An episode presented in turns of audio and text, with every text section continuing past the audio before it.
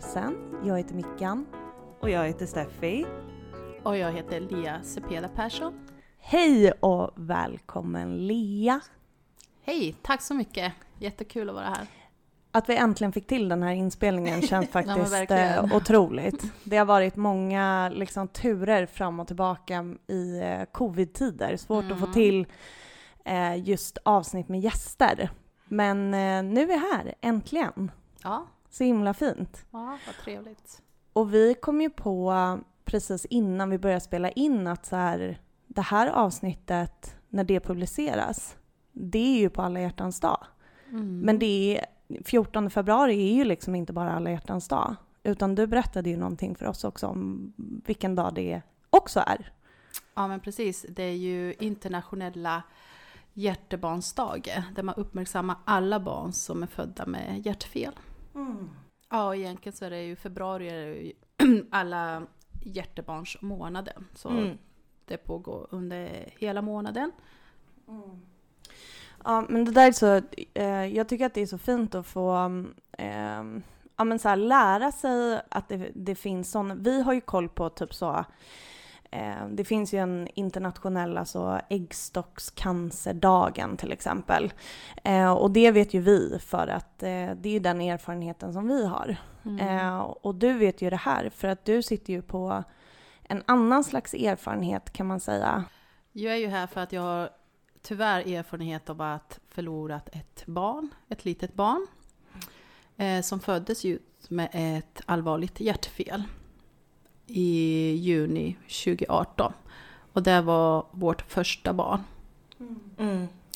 Så det är ju en, eh, ja, verkligen en erfarenhet som man kommer ha med sig livet ut.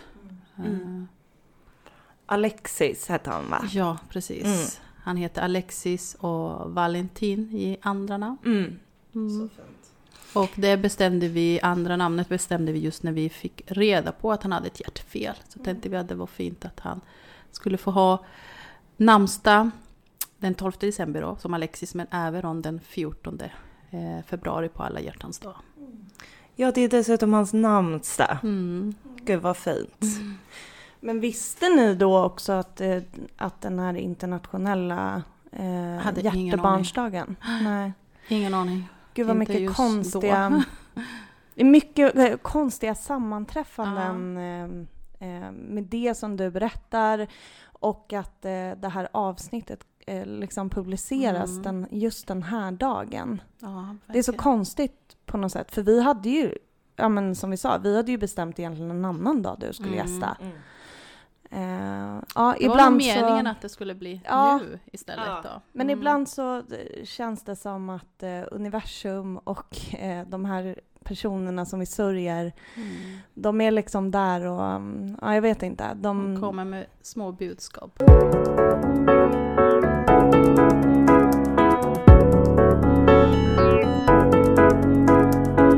Men okej, så 21 juni 2018 så föds Alexis. Mm. Eh, vet ni då innan att han eh, kommer ha ett hjärtfel eller Mm. var det någonting ni fick reda på efter? Ja, men då var vi beredda, eller helt 100% beredda kan man ju aldrig bli och sådär. Och även om man... Vi visste om det, vi fick reda på det i vecka 22 och det var ju... Ja, vecka 22 det är ju väldigt lång gången i en graviditet. Mm. Så vi fick en dag på oss faktiskt att bestämma oss hur vill ni göra. Och jag visste inte ens liksom att det var... Alltså att vi skulle ha ett val. Det var ju så här, vill ni fortsätta eller vill ni avbryta graviditeten? Och för mig var det så här, ja, men jag förstår inte vad du säger, vadå avbryta graviditeten? Ja. Det fanns ju inte. Eh, som sagt, han var ju vårt första barn och eh, därav otroligt, otroligt efterlängtat såklart. Och vi älskade honom redan hur mycket som helst där och då när han låg i magen Mm. och växte. Och han växte ju som han skulle, det var ju ing- inga konstigheter så. Jag mådde ju hur bra som helst. Men det visade sig på en vanlig rutin ultraljud att han hade ett hjärtfel och sen blev vi skickade samma dag till fostermedicin på Karolinska i Solna här i Stockholm och fick träffa en specialist där som kunde sätta en diagnos. Mm. Och då visade det sig att han hade någonting som kallas för HLHS, vilket står för vänsterkammarhjärtsyndrom.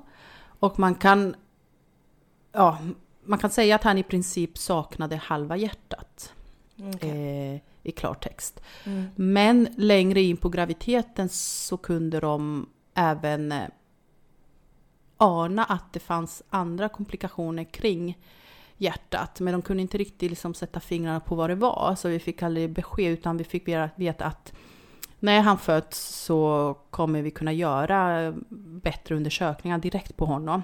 Mm. Nu, nu gjorde jag säkert så här 18 eller 19 ultra, eller, um, ultraljud och även röntgen när han låg i magen. Oj, ja det. Så det var väldigt eh, grundligt och vi gick Ja. på många kontroller och sådär. Så de hade ju stenkoll på honom och hur han växte och sådär. Men är det Ehm. typ så här, alltså eh, bara en fråga från, eh, för att jag har ingen erfarenhet av eh, att själv ha varit gravid. Mm. Ehm, alltså när ni får det här beskedet som du berättade i vecka 22, Ja. då, ehm, då får du, eller så här, blir det då att ni får göra fler liksom ultraljud och, Mm. alltså på grund av, Ja, oh ja. av det? Ja. Innan, fram tills dess hade, var det ju det här tredje ultraljudet. Ja, Och så blev det totalt 18 eller 19 om jag inte minns fel. o- okej. Och hur Mm. många ultraljud har, Nej har men man alltså du får ju två eller tre. Två eller tre? Ja. Mm. Ja. Upptäcker de att det är någonting som de vill gärna hålla koll på så kanske du får fem eller sex stycken. Men det är jätte, jätte Ja. ovanligt att man får så många. Okej, okej. Ehm, och när ni eh, får det här beskedet i vecka 22, Mm. du säger lite så här, men vad då alternativ och avbryt? Alltså Mm. så här, ehm, liksom, vad händer med typ dig och din eh, man eller kille Mm. eller Mm. vad händer med er där liksom?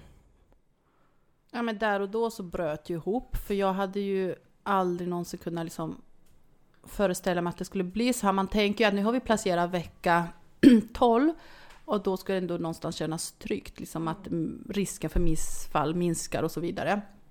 Och vi hade gjort eh, eh, vi hade ju kollat liksom att, det, att han inte hade några andra avvikelser och Mm. så, som man också får göra. Så nu skulle vi bara gå dit och egentligen få reda på vad det var för kön på bebisen. Eh, för det visste vi inte. Och där och då först fick vi reda på grattis ni ska få en liten pojke. Men det är någonting som inte stämmer. Och sen samma dag senare där fick vi reda på att han hade ett allvarligt hjärtfel. Mm. Och sen började allt det här. Men eh, ja, alltså jag minns bara att jag bröt ihop totalt. Jag ringde mamma som bor i Göteborg. Hon åkte upp liksom dagen efter till Stockholm direkt och var med oss. Och var jätte, så jättefint stöd så Mm. under hela den här perioden. Men eh, ja, ja men man känner bara sån tomhet. Om, jag hade ju aldrig någonsin kunnat föreställa mig, hade ingen aning om att små barn kunde födas med sådana allvarliga hjärtproblem eller sjukdomar överhuvudtaget. Det var ju ingenting man gick och tänkte på. Nej. Absolut inte. Men och då fick ni alltså, ni fick en dag på er att Mm. ta ett beslut när ni hade fått det här uh, otroligt chockerande beskedet och sen så måste ni bestämma er för någonting. Det måste ha Mm. känts jättekonstigt. Mm. Ja men det var det. Samtidigt så fanns det ju för mig inget annat alternativ utan jag kände så här direkt att okej, jag som mamma måste göra allt jag kan Mm. och ge honom de bästa möjligheterna och ge han en chans till livet. Och det var det liksom jag tänkte på. Eh, det är klart att jag vill fortsätta med graviditeten. Jag vill ju ha min lilla bebis och jag väljer att lägga min energi och tro på att det ska gå bra Mm. och hoppas på det bästa helt enkelt. Mm. Fick ni något eh, stöd under eh, graviditeten? Alltså du berättade ju att ni fick göra väldigt många ultraljud, men hade ni Mm. något, något liksom Nej. emotionellt stöd under perioden? Nej, det var bara den eh, sjukhustiden på plats när vi fick göra de här undersökningarna. Som man hade på sig och kunde ställa frågor eller sådär. Mm. Eh, sen fick vi gå dit och träffa hjärtspecialister, barnkardiologer eh, på Barnhjärtcentrumet där i Karolinska. För att sen lite längre in i graviditeten när vi väl skulle planera hur vi skulle göra. Att, sen fick vi ju reda på, jaha men vi kan inte föda här i Stockholm utan vi måste välja om vi vill åka ner till Lund eller Göteborg. Så började liksom en ny resa planera, okej hur ska vi göra, hur ser framtiden ut? Hade det att göra med att han hade eh, hjärtproblem Hjärtfel. då? Ah, okej. Precis, och hjärtspecialisterna finns i Lund och Göteborg enbart. Och där de genomför den här sorts, den här, eh, ja, så specifika operation som han behövde genomgå direkt efter. Du vill ju ge ditt barn eh, alltså alla chanser som går och försöka göra allt i din makt eh, Mm. för att han ska få ett liv. Eh, men tänker så här, för när du, eller när du berättar om det här att ni fick ett alternativ. Vad sa de någonting? Alltså kunde ni liksom, du och din liksom, man, kunde ni känna under graviditeten att så här, men det finns ett, ett hopp? Eh, eller bara så här, vad, vad hade läkarna sagt skulle hända med Alexis? Jo, men absolut. Vi fick... Alltså vi kände ju hopp såklart. Eh, ganska mycket hopp, ska jag tillägga. Eh, och det fanns ju en plan som sagt. Men vi fick ju inte... Vi fick den här informationen efter att vi hade bestämt oss och sagt liksom att ja, vi vill fortsätta. För de vill inte heller, de vill ju inte påverka en. Och det upptäckte vi efteråt att det var på grund av det vi inte hade fått informationen. För de vill ju inte liksom... Eh, det ska ju vara vårt beslut att ta. Mm. De får ju inte påverka en på något sätt. Så då visste vi ingenting utan eh, vi valde det för läkarna sa men ja men det finns en, eh, alltså det finns ett program eh, för barn som föds med det här hjärtfelet och det är en stor operation som man får genomgå i tre olika steg. Och det första sker en dag eller några dagar efter förlossningen, steg två kanske efter tre, fyra månader och så sista stegen när barnet är ungefär ett år. Mm.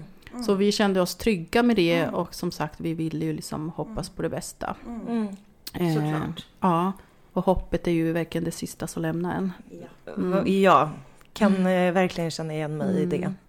Men vi var jätteoroliga sen när vi väl så här fattade beslutet med allt det här praktiska runt omkring. Jaha okej, ska vi behöva flytta nu till Göteborg eller flytta till Lund? Och Ja, hur blir det då? Ska vi behöva ha två lägenheter? Vi har inte råd att ha två lägenheter. Och hur länge blir vi kvar där? Det kunde inte de svara på. Det kunde bli allt från några veckor upp till sex månader eller ett år.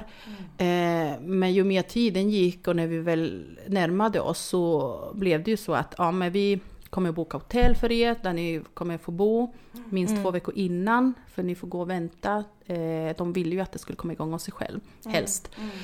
Och vi skulle få bo på Rana McDonalds med honom och vara på sjukhuset. Så de skulle ju liksom bekosta allting och då kändes det så här, åh vad skönt för då kan vi liksom fokusera bara på, liksom, på honom.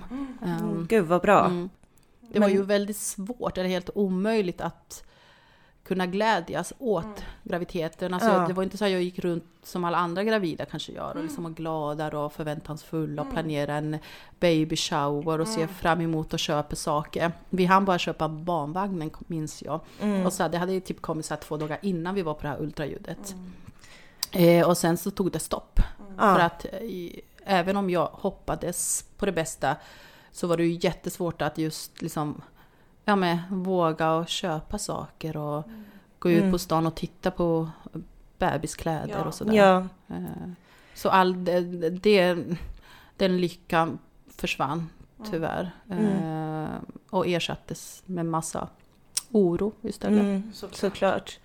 Men hur, hur reagerade din omgivning på det här? För att då var du liksom öppen med att eh, han hade ett hjärtfel och att du inte visste vad som skulle hända? Ja, och liksom... men absolut, det var jag. För att jag kände redan där och då att eh, det här kan inte liksom jag gå runt och må dålig över.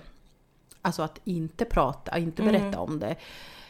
I så många veckor som det ändå liksom var kvar av graviditeten. Det hade ju gått ungefär halva tiden ju. Mm.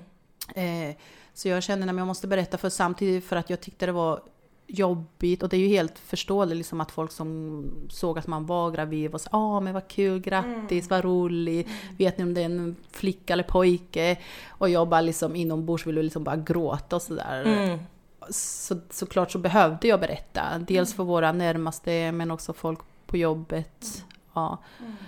Att jo, men eh, tyvärr så har, är han sjuk, han har ett hjärtfel och vi vet inte riktigt hur det kommer gå. Så Mm. alltså, det kunde jag säga. Och sen om de ville veta mer och ställde frågor så hade jag absolut ingenting emot att, svara på de frågorna. Mm.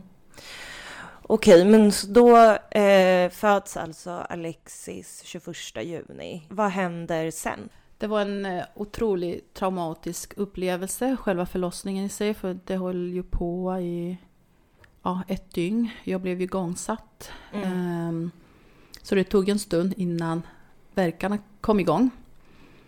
Eh, och sen så hade ju ingen berättat för oss ordagrant liksom så här kommer det gå till. Vi kommer ta honom, vi kommer springa iväg med honom för det kommer vara bråttom. Det, det visste vi inte och det hade inte Åh, ens jag herregud. tänkt på. Nej, för jag det var tänkte, sjukt att de Mm. inte säger det. för min Det värld var så det så konstigt. här. Ja, i min värld var det, ja men alla vet ju liksom ungefär hur för, när man får bebisen i famnen och så ska man liksom bonda lite och liksom få lära känna sitt barn och åtminstone se Ja men verkligen. ja, vad vet jag, liksom, det är väl det normala. Och det var det, den bilden jag hade i mitt huvud. Och jag vet också att Jonathan hade ju in, inga andra tankar han heller ju. Men det gick inte riktigt till så utan, och jag var ju helt neddrogad dessutom, alla smärtstillande och sådär. Så det var inte lätt. Men när, när han väl kom ut så, för vi hade ju en hjärtspecialist, en läkare på plats i rummet utöver liksom barnmorskor och de andra. Mm. Så hon tar honom och bara springer därifrån. Jag hör ett skrik, så jag hör ju att han skriker direkt. Ah. Alltså Alexis när han kommer ut. För han levde ju såklart när han kom ut. Och jag liksom hinner bara uppfatta att Jonathan liksom står där och vet inte vad han ska göra. Så säger någon barnmorska, ja men spring efter, gå, spring. Så. Ja. För han tänker liksom, herregud, Lia ligger kvar här. Som tur var ju min mamma också med där. Men de, och så mamma bara, nej men gå liksom. Jag stannar här med henne. Men han var ju lika chockad som jag. Såklart. För vi förstod inte att det var liksom så pass bråttom. Som det tydligen var. Eh, så de springer med honom till någon annan avdelning där de har alla hjärtsjuka små bebisar som föds. Mm. Eh, ungefär två våningar längre upp eller något sånt. Det var inte alls så långt därifrån, från BB där vi befann oss. Men det var ju som sagt ingen som hade talat om detta för oss. Men det Åtminstone liksom, det kanske kan bli så här, alltså bara en heads up. Men nej, ingenting. Eh, så jag, blev ju, jag var ju jättechockad, blev kvar där och bara grät och grät och panik. Och, Gud, och vilket trauma. förlöst. Eh, Ja. Och allt vad det innebär. Och så skulle jag fokusera på, nej nej nej men nu måste du ta, nu ska liksom moderkakan komma ut också. Åh bara, herregud. nej.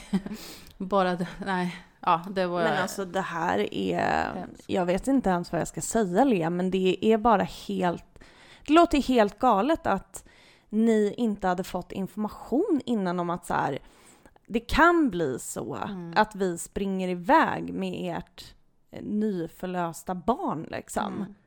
Alltså, jag vet inte, det känns som att så här, för man kan ju ha en viss förståelse för när ni eh, fick de här valen, att det är som du var inne på lite, att det är så här, de får inte påverka ert beslut och så vidare. Mm. Men det här är ju bara information om så här, Mm. det kan bli så här typ. Vad sjukt Så jag alltså. fick inte träffa Alexis förrän ja, men, eh, en och en halv timme efter att han föddes Mm. ungefär. Gud. Och då var det så här också att då kom en annan barnmorska in i rummet och frågade, fråga bara, men varför ligger du kvar här? Va? Ja, ja jag, bara, så jag förstod ingenting. Jag bara, men, ja men de sa ju liksom att det var okej och de skulle komma och hämta mig. Hon bara, ja ja men allting är inte okej. Du måste åka upp till honom nu liksom. Nej, men, Eh, och innan det så hade ju någon varit och sagt att det är liksom läget är lugnt. Och så där han är stabil. Och sen helt plötsligt var det ju inte så. Eh, så det var också jobbigt liksom att få dubbla budskap. Eh, Men det får inte hända. Alltså så Nej. känner jag. Det får inte gå till så. nej. Nej men det är väl klart, men det, det, alltså det här har vi varit inne på, just med så här eh, kvinnor, liksom vård, eller så här vården och kvinnor och alltså Lord knows, förlossningsvården Mm. är ju, det är ju katastrof liksom. Och jag tänker att ehm, eh, det här, det, finns säkert saker, eh, ja, nu, nu, jag ska inte börja gå in på politiska frågor nu, förlossningsvården, men det är bara, det är, jag tänker att så här, det är tillräckligt traumatiskt det du eh, och din man ska behöva gå igenom för att ni har liksom vetat i en halv graviditet att ert barn kommer vara sjukt. Mm. Liksom. Eh, och jag tänker att det, det är så små, enkla grejer, låter det ju egentligen Mm. som, för att det här traumat ska bli pyttelite lindrigare. Mm. För- Mm, precis. Ja men framförallt dig, att det är så här, Mm. Eh, bara få informationen, att det går liksom till på det, alltså jag vet inte. Jag, Ja, jag, försöka jag underlätta så gott det går för Åh. föräldrarna i alla avseenden såklart. Mm. Ja. Mm.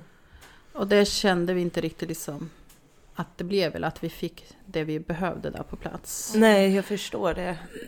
Och inte nog med det, men han blev som sagt skickad till en annan avdelning och sen fick vi komma upp och sen när vi väl var där med honom, det hade gått ungefär så två timmar tror jag, så kommer de och, med våra saker som vi hade nere i, i vårt rum, nere på BB. Och då visade det sig att vi helt plötsligt hade blivit utslängda därifrån. Så de bara kom en vagn med våra grejer. Och de slarvade bort mina skor och de slarvade bort uh, ultraljudsbilder som jag hade med mig på Alexis. Nej.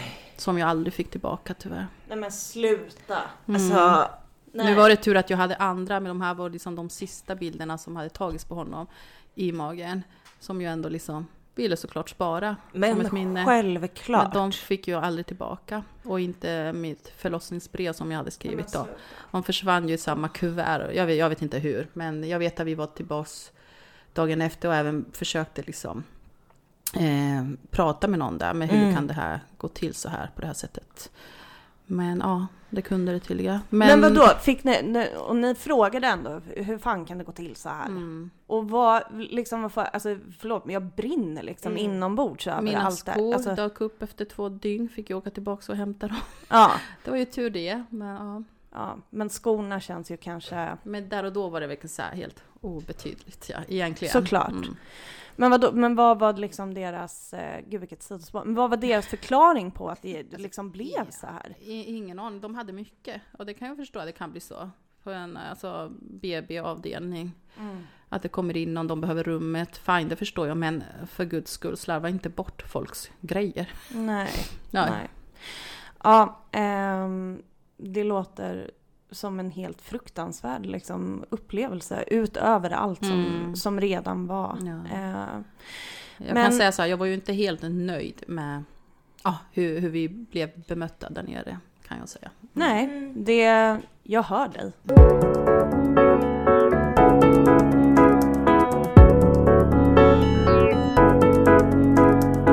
Så jag kommer in där.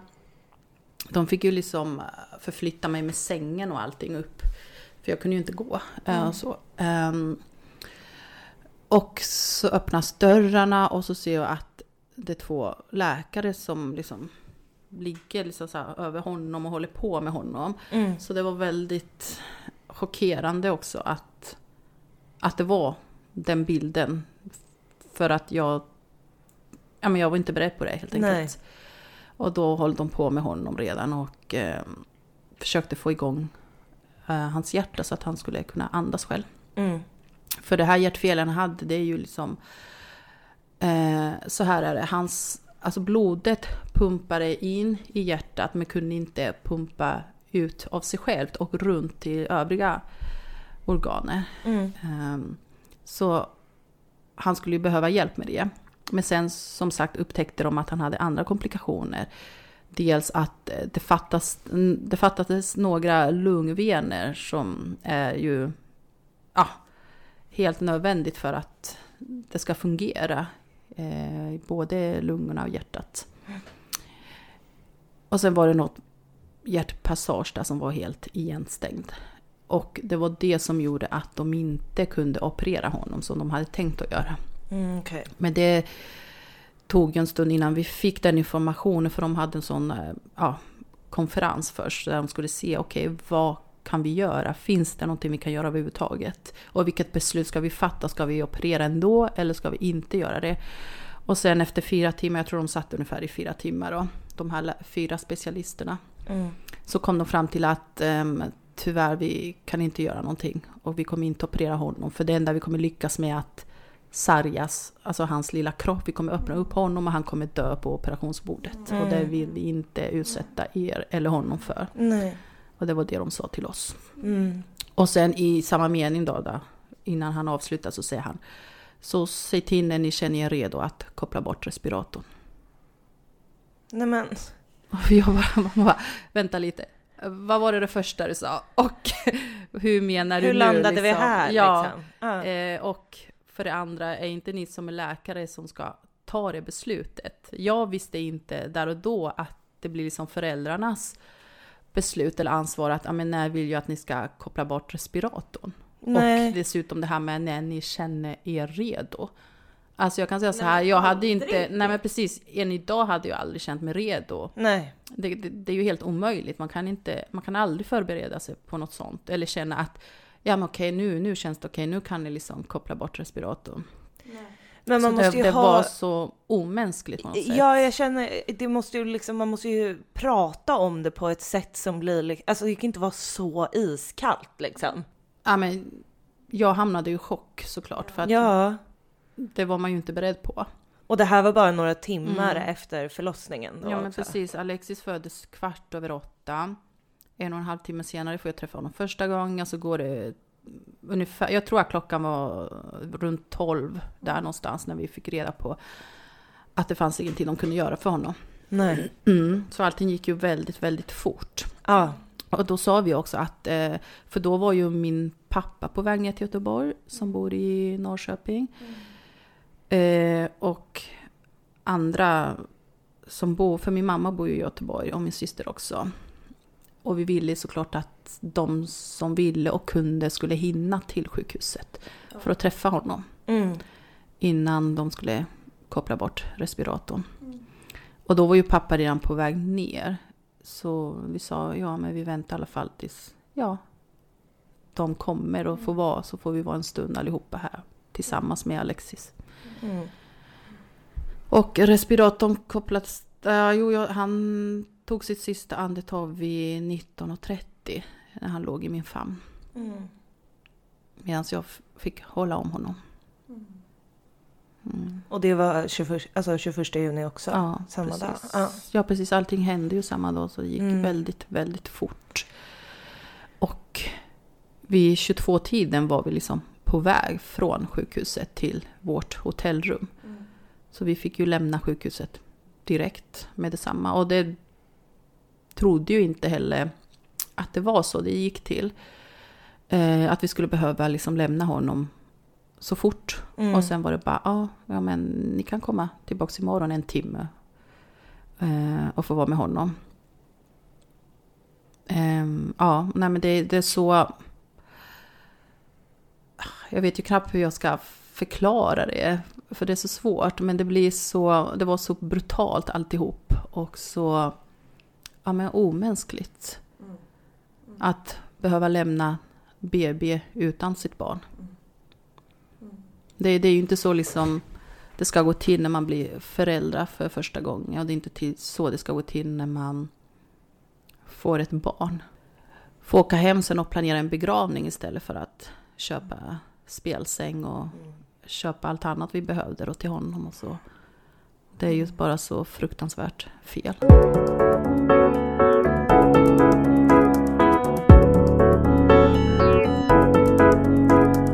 Efter eh, att ni har haft den här begravningen för Alexis, hur liksom hur ser din eh, sorg ut? Eller liksom, kan du eh, vara i den? Vi har ju pratat mycket i den här podden om att så här, vi var till exempel personer som verkligen bara eh, typ, ja ah, men nu ska man distrahera sig själv och bla bla bla typ. Eh, din eh, upplevelse är ju väldigt eh, annorlunda eh, från vår på det sättet. Jag, jag tänker lite, du har ju liksom gått igenom en förlossning också. Med Mm. allt det fysiska som, det, som jag tänker att det innebär för kroppen. Så det blir ju... Alltså nu, det här är verkligen en gissning. Du får verkligen rätta mig om jag har fel. Men jag tänker att det är så här, man kanske inte bara kan så... Ja, jag ska distrahera mig själv för att inte typ känna det här. För att det Mm. är fysiskt också, utöver allt det andra. Man tittar liksom magen och så helt plötsligt, ja, var han borta. Mm. Han hade liksom funnits där inne i nio månader och så fanns han inte längre där utan min mage påminde mig liksom om honom konstant. Att han, det fanns inte, det kändes så, så tomt, alltså det var en sån tomhet som inte går att förklara. Det var verkligen så här som att någon hade slitit mitt hjärta och halva min kropp liksom var borta, Mm. försvann med honom. Eh, och det gjorde så fysiskt ont, som du säger. Alltså, eh, både på grund av sorgen och på grund av förlossningen såklart. Mm. Eh, men sen så var det nog mycket att jag fick ju liksom ja, sätta mig själv och mitt mående lite vid sidan. Det fanns ju inte riktigt ork eller tid att ja, men fokusera på mig själv och hur jag mådde fysiskt. Så. Eh, utan jag bara körde på och fick göra alla de här sakerna som man tvingas att göra när man ska Mm. behöva planera en begravning och allt vad det är. Eller sen behöva försöka på något sätt komma tillbaka till livet. Ehm, vilket också är liksom inte alls lätt på något sätt. Eh, och hur gör man egentligen? Mm. För att allt, allt påminde mig om Alexis och allt gjorde så fruktansvärt ont. Det, var, det räckte liksom med att titta ut genom fönstret så såg man mammor med barnvagnar, nyfödda, småttingar överallt. Och ska jag tillägga att när vi kom tillbaka från Göteborg så inom loppet av en vecka så flyttade vi Mm. in till stan. Eh, mitt i smeten. Och sommar dessutom. Mm. Mm. Så ni kan ju tänka er hur mycket folk det är Ja. som vistas ute då och med barn såklart. Ja. Ehm, så det var så fruktansvärt bara att gå till affären eh, som låg på andra sidan gatan och sådär. Jag undvek att gå ut, gjorde det mest bara på kvällarna. Jonathan fick ju liksom göra allting och ta alla promenaderna med hundarna och sådär. Mm. Jag fick sån enorm... Eh, ja, men jag var så rädd för att eh, jag ville inte bli lämnad ensam. Så jag hade så stort behov att alltid ha, en, ja, ha Jonathan framförallt vid min Mm. sida. Vart jag än skulle, vad jag än skulle göra sådär. Eh, ja, men jag hade ju såklart eh, drabbats av ehm, depression. Mm. Eh, ja.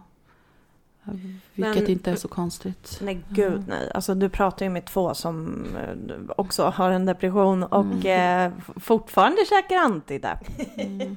Det är jätte, eller det är i alla fall räddat eh, oss. Mm. Det är verkligen inte Mm. fokus för det här avsnittet. Men kunde du och Jonathan hitta stöd i varandra under den här perioden som du beskriver? Hur pratade ni med varandra liksom? Alltså jag tror inte att jag hade suttit här idag om det inte vore för att jag hade honom. Mm. För att han fanns där vid min sida. Och att för att han... Eller för att vi faktiskt sörjde så olika, eller ganska lika i början, men sen så har det ändå varit lite så här att när jag varit nere så har han varit liksom uppe och kunde liksom stötta mig och sådär. Och så har det varit tvärtom. Och det har ju varit skönt att vi liksom kunna gå om varandra så. Mm. Så man, kunde, man, man fanns ju alltid där för varandra. Eh, och jag hade absolut inte klarat allt det här utan honom. Verkligen inte. Och inte heller utan våra hundar ska jag tillägga. Ja. Men Som gud vad det kan ja, göra mycket. Alltså, så, så ovärderligt. Ja. Eh, framförallt vår rottweiler. Som jag har, haft sen... Ja, han blir 11 år i år. I Mm. juni. Förhoppningsvis, ska jag säga. Ah, Lilla gubben. Ja. Men ehm, nej, alltså jag vet inte hur jag hade klarat det annars. Eh, ja, bara den här, alltså just att ha någon som bara finns där, behöver liksom inte säga någonting, behöver inte ställa massa frågor. Nej. Bara finnas där, sätta sig bredvid en när man är ledsen och gråter, liksom kommer och kramar, så här, försöker slicka bort tårarna. Men alltså den kärlek och den närhet. ehm, Mm. som, ja, han förstod ju alltid så fort när jag var ledsen. Han visste ju redan innan tårarna kom att jag var ledsen och kröp Mm. upp hos mig liksom i sängen eller soffan och sådär. Eh, ja, så våra hundar betyder så himla mycket för mig och så min man och så såklart. Eh, ja. Men var du eh, eh, ledig under den här perioden? Alltså var du sjukskriven eller liksom? Mm, jag hade ju gått på min mammaledighet. Eh, och sen så hade jag också liksom semester att ta i och med att det var liksom mitt på sommaren. Så jag var hemma, fast jag var inte hemma så länge, jag tror jag var hemma i tre månader bara innan jag började Mm. jobba igen. Men jag hade nog inte gått tillbaks till jobbet så fort om det inte vore på grund av eh, eh, det jobbet jag har och möjligheterna liksom ha ett eget kontor och kunna sitta liksom i min ensamhet och jobba liksom självständigt. Mm. Och även liksom bestämma själv hur mycket vill jag jobba, vad vill jag göra idag och så vidare. För det vet jag många som har berättat att, men det är ju svårt till exempel om, om man jobbar i någon butik eller jobbar på hotell och Mm. sådär och så ska man orka eh, hålla upp en fasad och orka vara trevlig och möta andra människor Mm. och kunna ge en bra service. Nu behövde inte jag liksom tänka på någon annan än mig själv men ändå liksom kunna fokusera på jobbet ibland vilket var väldigt skönt. Ja. Men kunna göra liksom på mitt sätt. Mm. Så hur upplevde du eh, omgivningen? Det har nog både, varit både, både och. Och sen kan jag säga så här att man har verkligen, eh, verkligen, verkligen upptäckt vilka som är ens vänner på riktigt. Ehm, vilka som ställer upp när det gäller. Och vilka som inte gör det. Eh, det har kommit till nya människor i mitt liv som bara dök upp så från ingenstans när Alexis dog. Som har betytt så himla mycket som har verkligen ställt upp som jag inte hade förväntat mig skulle göra det. Eh, men sen har det varit några som har liksom försvunnit, Mm. tyvärr. Eh, och så är det nog för alla, har jag också förstått med många som jag pratat med. Ehm, ja, det har ju varit ja, en salig blandning tänkte jag säga, men verkligen så här. Folk vet ju tyvärr oftast inte hur, vad de ska säga, hur de ska göra. Eh, de är ju så rädda för det, rädda för det okända och rädda för det. Ja, de, och samtidigt så, ja, de har ju inte varit med om det, så det är ju svårt att sätta sig in i, i det. 100 procent går ju inte, det är helt omöjligt.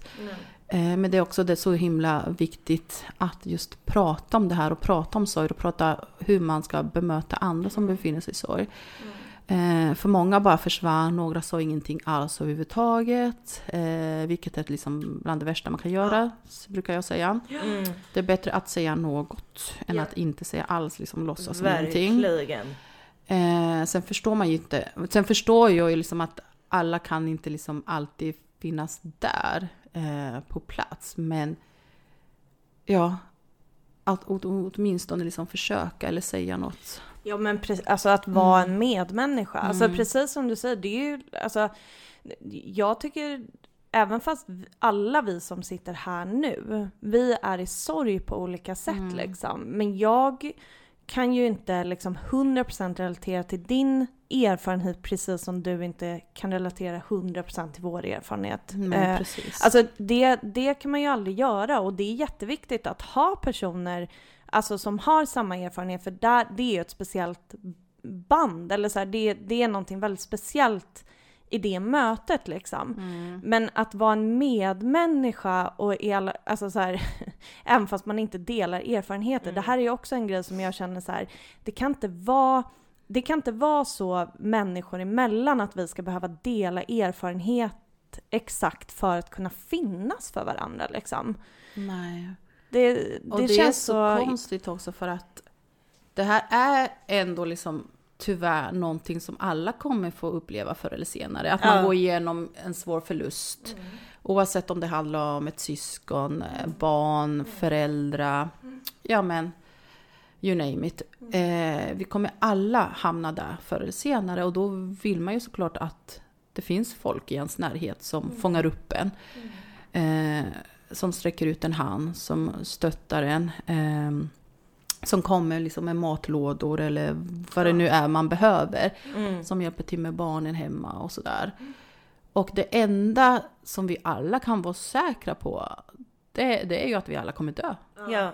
Så varför ska det vara så tabu att prata om det? Att liksom ens gå in på det ämnet. Eh, det borde ju inte vara det.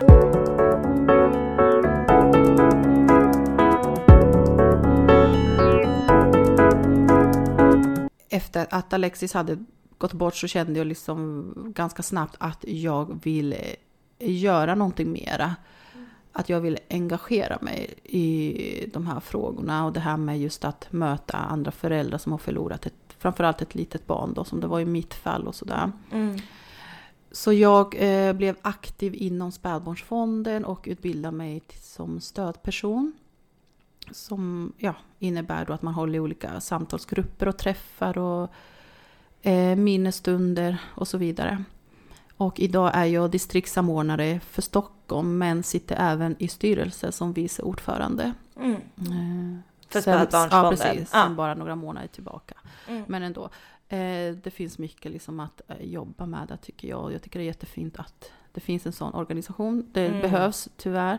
Man önskar ju att det inte hade behövts men eh, det är ändå trots allt ehm, ungefär eh, ja, 400 barn som dör i magen precis innan förlossningen varje år. Mm. Och totalt ungefär liksom 700 barn eh, som dör varje år enbart i Sverige. Mm. Eh, och när man räknar som spädbarn så säger man alltså upp till ungefär ett och ett halvt år. Mm.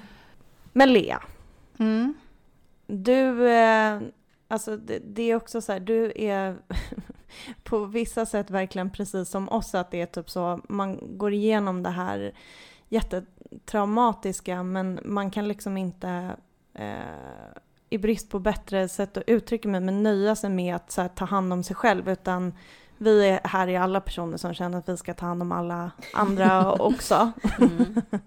och typ så eh, driva de här frågorna och bara vi måste prata om det här.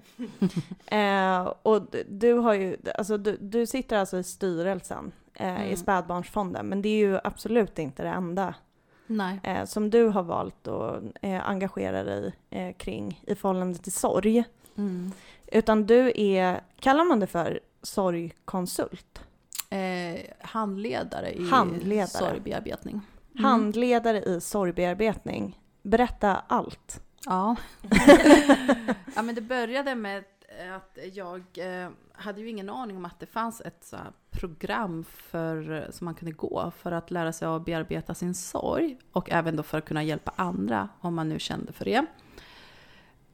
Så jag bestämde mig att jag ville gå den här utbildningen, eh, först och främst för min egen skull då. Bearbeta Men den här hit- förlusten. Hittar du den genom Spädbarnsfonden? Då? Nej. Själva, nej jag den... minns bara att jag googlade Ah, så här, sorg. Det måste finnas någon Mm. institut, någonting tänkte jag som är mer liksom kopplat till sorg. Mm. För jag kände att jag hade det behovet och så hittade jag. Och sen så visade det sig att den här Svenska institutet för sorgbearbetning låg ett stenkast därifrån där jag bodde. Sen när jag kom ut därifrån så var det verkligen så en aha-upplevelse. Jag bearbetade inte enbart det som jag hade gått igenom med Alexis, vilket var ju såklart fokus. Jag kom ju in där med inställningen att det är ju den här händelsen som jag behöver bearbeta här och nu, liksom som är mest akuta. Och sen blev det så uppenbart att det är så mycket annat som jag gått och burit på, Mm. som är en sorg. Eh, som jag har gått igenom andra saker tidigare i mitt liv som jag också behöver bearbeta, som jag behöver liksom prata om. På det sättet som jag inte trodde att jag behövde det, som jag inte trodde påverkade mig i mitt liv och alla val man gör och så vidare och hur man upplever saker och ting. Men det visade sig att ja, det gjorde det. Och det var ju så himla frigörande, så skönt att komma fram till det och kunna ha ett sätt, en metod och verktyg att faktiskt bearbeta de här olika upplevelserna och ta Mm. sig igenom det. Och samma sak med det här som vi hade gått igenom med Alexis såklart. Och det här är ju en utbildning för att kunna handleda andra i sorg och deras sorgbearbetning. Och jag Mm. kände direkt att jo men det här vill jag jobba vidare med. Kunna liksom hjälpa andra och sprida det här budskapet och att det finns. För det är ju inte så många som vet överhuvudtaget att Nej. det finns. Alltså det är ju ganska länge sedan, men jag tror att det var att du skrev till oss på Instagram. Mm. Alltså för jättelänge sedan. Och bara, jag gör det här. Och vi Mm. bara, Mm. va? Alltså jag hade ingen aning. Men det är liksom, det är helt otroligt. Men du, du säger liksom, du går den här utbildningen och så får du eh, verktyg. Alltså vad, vad Mm. kan det vara för verktyg liksom?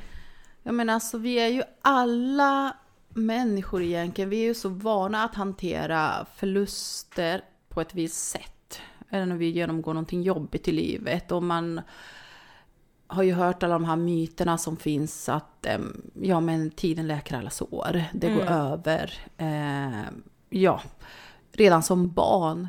Eh, gråter du så kommer någon och men var inte ledsen, här får du en kaka eller Mm. vad det nu kan vara. Man försöker liksom ersätta de känslorna med någonting annat och det är så vi har lärt oss alltid att hantera jobbiga saker. Det. Eh, vilket blir då att samhället ser det som ett facit på något sätt. Och så fortsätter man att leva sitt liv utifrån såklart de erfarenheterna och det som man har fått med sig från sina föräldrar, sin uppväxt och sådär. Men det, det blir ju liksom intellektet där som klickar in. Och det, det, det är ju inte det man behöver när man har gått igenom någonting jobbigt till exempel. Utan det, då är det liksom att fokusera egentligen på vad är det, varför känns det så här? Man behöver kommunicera sina känslor och få utlopp för det. Man behöver liksom de här oförlösta känslorna man går runt och bär på. Och att veta hur jag ska hantera det här. Eh, att det är okej. Och med vad är egentligen överhuvudtaget liksom sorg? Eh, vad definierar vi som sorg? Och många tänker som sagt liksom kopplat till dödsfall. Det är ju såklart det värsta, men det är inte det enda, Nej. om man säger så. Och då behöver vi veta att eh, det finns sätt som ger läkning. Och det, det heter inte att eh, tiden läker alla sår och att man bara låter tiden passera så blir det bättre av sig själv, utan man måste faktiskt aktivt själv jobba, alltså göra någonting för att ändra det. För tiden kommer ju bara fortsätta gå såklart. Det kan vi inte vi göra någonting åt, vi kan inte stoppa det. Men däremot kan du själv välja vad du väljer att göra av den tiden. Alltså väljer du aktivt att arbeta med din sorg så kommer det såklart att kännas bättre för att du får prata om det. Mm. Du får sätta ord på det. Du har framförallt någon som lyssnar och bekräftar det. Ehm, så lite så jobbar man det. Och det finns ju specifika liksom, olika steg som man går igenom. Man börjar med någonting som man kallar för förlustdiagram och sen går man in på relationsdiagram och sen får man fullborda det här med att man skriver ett brev. Till, det kan vara till den här personen då som man har förlorat eller en annan relation till någon som man har som skaver på något sätt. Det behöver inte vara en person som är död som sagt. Som man behöver få säga. Det är inte kanske alltid det bästa att man säger det direkt om det är en levande person, men du behöver skriva det, du behöver ändå få säga det till någon som tar emot budskapet. Mycket handlar om kommunikation. Eh, och det är verkligen liksom A och som man brukar säga med all kommunikation, men just i det här fallet är ju liksom så tydligt att det är verkligen så viktigt för alla människor. Eh, för oavsett vad vi går igenom så behöver vi bearbeta det på något sätt. Och här får man ju som sagt eh, tydliga ja, verktyg och metoder. Ehm, Men när man börjar, eh, hur många gånger det eller så här, hur lång är en sån här eh, process liksom när man sätter igång? Det är eh, antingen åtta träffar eller tolv. Det beror på om man gör det individuellt eller i grupp. Gör man det i grupp så är det lite flera. För att då är det ju, av förklarliga skäl, så är man ju flera i en grupp då. Tar ju lite längre tid och så. Ja. Så antingen åtta träffar eller tolv träffar. Och då träffas man eh, ungefär en gång i veckan i 60 minuter. Brukar man säga att det är lagom. Sen är det ju så här att eh, jag skulle jättegärna liksom rekommendera alla att gå och göra en sån sorg. Om man har liksom varit med om något sånt här. Som man, alltså det är ju såklart allting kan behövas att bearbeta. Men om man har förlorat någon eller har gått igenom en jobbig skilsmässa och så vidare. Men man brukar ju säga att sorgbearbetning är inte till för den som behöver det. Utan det är till för den som vill ha det. Mm. Och det ligger så himla mycket i det för att du måste ju själv gå in i det här helt hjärtat, lägga ner tid och framförallt liksom kunna öppna dig och ja, tillåta dina känslor komma ut. Mm. Ehm, Så det krävs ganska mycket av, av en person att genomgå det här. Sen spelar det ingen roll hur lång tid det har gått från det att man har förlorat någon eller inte. Det är inte det som avgör hur redo man är för att göra det här. Utan det är helt enkelt att man själv måste vilja det. Och be om det. För det är ingen annan som kan göra det jobbet åt det. Utan du måste ju själv ta dig igenom det här. Likaså som man själv måste liksom ta sig igenom sorgen. Annars också oavsett. Men att man hittar liksom olika metoder som funkar för en. Alltså om man är intresserad och man vill göra det här liksom. hur, går, hur går man tillväga då? Jag startade Sorg Consulting eh, på Instagram. Sen har jag en hemsida också. Där man kan vända sig till mig om man vill genomföra en sån här sorgbearbetning. Med mig som handledare då. Men även bara ha någon att prata med Mm. eh, som stödperson. Eh, ha lite stödsamtal och så. Sen finns jag där också och eh, försöker vara så aktiv som möjligt eh, och nå ut till folk som, ja, men, som, som behöver det och som tycker att det är skönt att kunna mötas i sorgen och träffa andra som har gått igenom Mm. en jobbig situation, eh, en förlust av något Mm. slag. Mm. Alltså jag tror att det är, eh, det här är en sån himla bra grej och jag kan verkligen tänka mig att det är många av de som lyssnar som känner ett intresse liksom. Eh, kostar det pengar att gå en sån här? Eh, för det brukar vara så, mm. som vi får höra mycket när vi, vi sitter ju alltid och bara gå i terapi typ. Mm. Och så bara, ja men det kostar ju pengar liksom. Ja. Hur är det med den här prylen? Men det är därför lite också jag ville starta det här kontot och så, mitt arbete med det. Eh, för att kunna finnas där och det, det arbetar jag ju helt gratis. Och det kostar absolut ingenting att skriva till mig, att prata, få samtalsstöd. Och jag har ju folk som jag har suttit i telefon med i, i timmar och bara att de fått prata och så. Eh, och så men när, om man vill göra det här sorgbearbetningen, det kostar ju däremot. Men det är också för att vi är flera andra ut, där ute som har den här utbildningen och som är handledare och eh, ja, all, alla tar ju betalt men det är ju det kostar inte så mycket Nej. kan jag säga. Väl en, eh, ja, någon hundralapp och sådär. Men är det här någonting som finns eh, alltså tillgängligt i hela Sverige? För du bor ju i Stockholm. Ja. Ehm, men finns det i andra städer också om man skulle vara intresserad? Kan man göra det digitalt eller hur funkar det Mm. liksom? Ja men det funkar båda delar. Nu i och med att det har ju varit eh, coronatider Som alla vet så har det mesta skett digitalt. Men eh, det finns ju andra också som har den här utbildningen som är handledare och som jobbar med det. Så, så vi finns ju lite överallt. Genom den här sidan, Sorg.se, kan man ju hitta andra handledare också. Mm. Alltså hur känner du att det har hjälpt dig i din sorgbearbetning? Ja, men det är ju också för mig ett sätt att bearbeta min sorg. För att jag kände att, eh, nu låter det här lite klyschigt, men någonting bra måste komma ur allt det här eländet vi har gått igenom. Att Alexis död ska inte ha varit förgäves, eh, så att säga. Mm. Så jag ville göra det för min skull, göra det för hans skull och för att någonting bra skulle komma ur allt det här. Mm. Ehm, och det har hjälpt mig också såklart. Att kunna känna, men det känns såklart bra när någon hör av sig och tackar en för att man har bara kanske funnits där, lyssnat Mm. eller gjort någon liten skillnad. Och jag kände så här att kan jag hjälpa en mamma, en pappa, bara en person så har, har liksom det gjort stor skillnad för den människan. Ehm, Det var ju exakt det där vi sa när vi eh, startade podden bara, kan vi hjälpa en person så är vi mm, jätteglada. Så är det värt det. Ja. Ja, men sen så var vi också hos, eh, eh, när vi gästade Kakans podd, hon bara, ja vad otypiskt kvinnor och bara en person, då är vi nöjda liksom. Varför inte tre personer? Ja, Vi hjälper-. Jag tror att vi, vi, hjälper, vi hjälper många genom att bara prata Ja, ja, precis, och visa att det är Mm. okej. För mig var det också så viktigt att få folk att våga prata om sorg. Och det är lite därför också jag startade det här. Mm. För att jag såg att det fanns ett stort behov. Mm. Där så finns det ju de som vill prata om det men man vågar inte riktigt Mm. kanske varje gång. Eh, och så finns det de om ens omgivning som skulle kanske behöva prata mer om det eller ha bättre förståelse för det. Mm.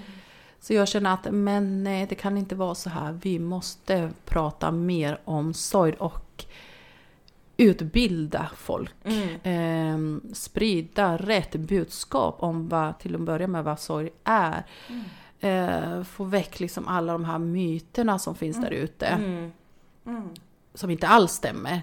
Mm. Som inte är till någon tröst egentligen. Som kan istället det de gör det är att de förminska en sorg. Ja. Och kanske till och med inte göra det värre, för det kan ju aldrig bli så. Men att det gör det svårare för den här personen i sorg att faktiskt kunna liksom börja sin bearbetning och börja liksom ta sig igenom det. Ehm, för man måste ändå, Ja. ja. det är ändå någonting som man kommer få leva med resten av livet och då måste man lära sig att hantera det. Man kommer ju såklart aldrig glömma det man har gått igenom och upplevt och sådär. Och det är också kanske många som inte inser utan de tror att men nu har det gått så här många år. Mm. Nu ska det liksom vara avklarat eller nu ska det, nu ska det vara bra. Ehm, så, så är det ju inte, utan det här är ju någonting som man får leva med resten av livet. Eh, och då är det ju bra om ens omgivning har den förståelse.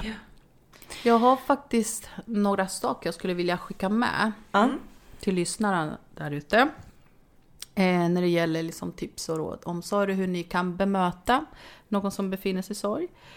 Som jag tycker liksom är avgörande. Och ett, det är liksom att um, säg någonting. Låtsas inte som att det regnar, för det är det värsta man kan göra. Mm. Det är bättre att säga något. Även om vet du inte vad du ska säga, så säg det åtminstone. Ja, men jag vet tyvärr inte vad jag ska säga, men jag finns här för dig. Mm. Det, det, det är ju bättre än att ja, bara vända sig om och gå därifrån. Ställ inga orimliga krav. Inga orimliga krav på den som sörjer. Och var ett hjärta med öron som vi brukar säga. Mm. Lyssna. Du behöver inte göra så mycket. Nej. Erbjud en kram, max, liksom, på sin Mm. höjd. Men finns bara där och lyssna. Det är det vi behöver. Och våga stå kvar. Alltså tjata, tjata skulle jag säga, även om tiden går och du får ingen respons. Ja men ring igen, skicka ett sms, gå dit, knacka på dörren, vad vet Ja. jag. Men alltså att man vågar finnas kvar under en längre period och inte bara första tiden. Så många, för många tror att men nu är begravningen avklarat, så nu är det här kapitlet avslutat. Och oftast är det ju inte så. Det är ju då när begravningen har varit, det är ju då man kanske går in i sorgen ännu Ja. mer och börjar bearbeta och behöver folk och sin omgivning som mest. Och då, för att bara upptäcka att ja, men, de finns inte kvar. Nej. Mm. Verkligen. Och kom ihåg viktiga datum. Ja. Mm. Nämn personens namn. Mm. Var inte rädd för det. Nej. Kom ihåg födelsedagar, namnsdagar, ja, men vad som helst. Mm. För det finns inget värre, nu kan jag bara liksom utgå från mig själv, men det finns inget värre än att eh, tro att för att du näm nämner mitt barns namn så kommer du påminna mig och kommer göra mig ledsen. För att jag har inte glömt. Jag har inte glömt att jag har ett barn eh, som dog. Jag har inte glömt Alexis och det kommer jag aldrig göra. Så det Nej, inte, så du såklart. kan inte påminna mig för jag glömmer det inte. Däremot genom att du nämner honom eller frågar eller kommer ihåg hans födelsedag att se honom som en del av mig och vår familj, för det är han ju. Han kommer ju Mm. alltid vara vårt barn. Så gör du mig bara glad. Jag Ja. blir bara glad och varm om hjärtat när folk liksom ställer frågor Mm. om Alexis.